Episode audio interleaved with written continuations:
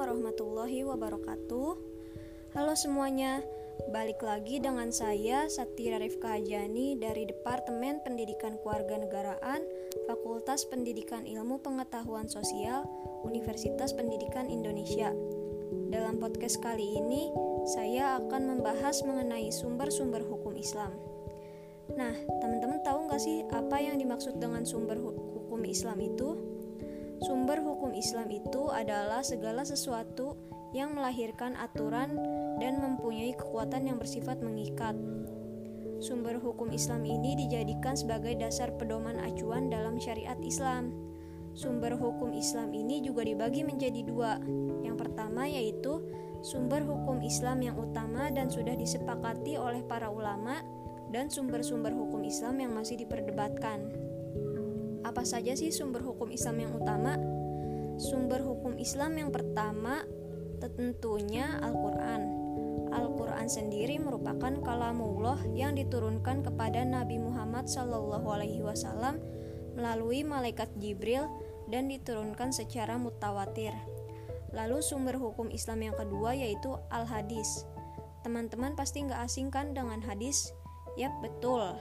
Hadis merupakan suatu yang dinisbahkan oleh Rasulullah Shallallahu Alaihi Wasallam, baik perkataan, perbuatan, maupun sikap beliau tentang suatu peristiwa. Kemudian yang ketiga adalah ijma. Ijma merupakan kesepakatan dan ketetapan hati untuk melaksanakan sesuatu. Ijma dilakukan untuk merumuskan suatu hukum yang tidak disebutkan secara khusus dalam Al-Quran maupun hadis. Lalu yang terakhir ada kias.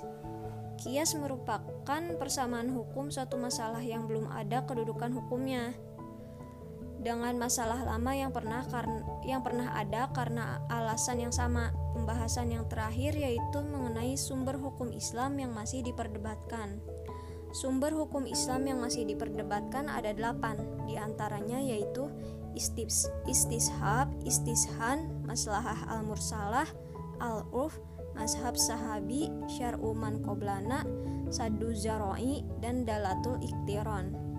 Meskipun begitu, kedelapan sumber hukum Islam yang telah disebutkan tadi bukan berarti tidak dapat benar-benar diterima sebagai sumber hukum Islam.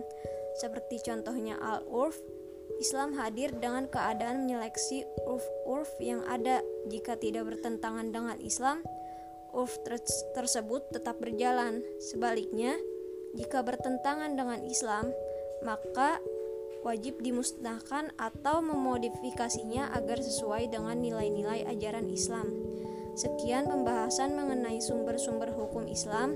Mohon maaf bila ada kesalahan dan kekurangan. Wassalamualaikum warahmatullahi wabarakatuh.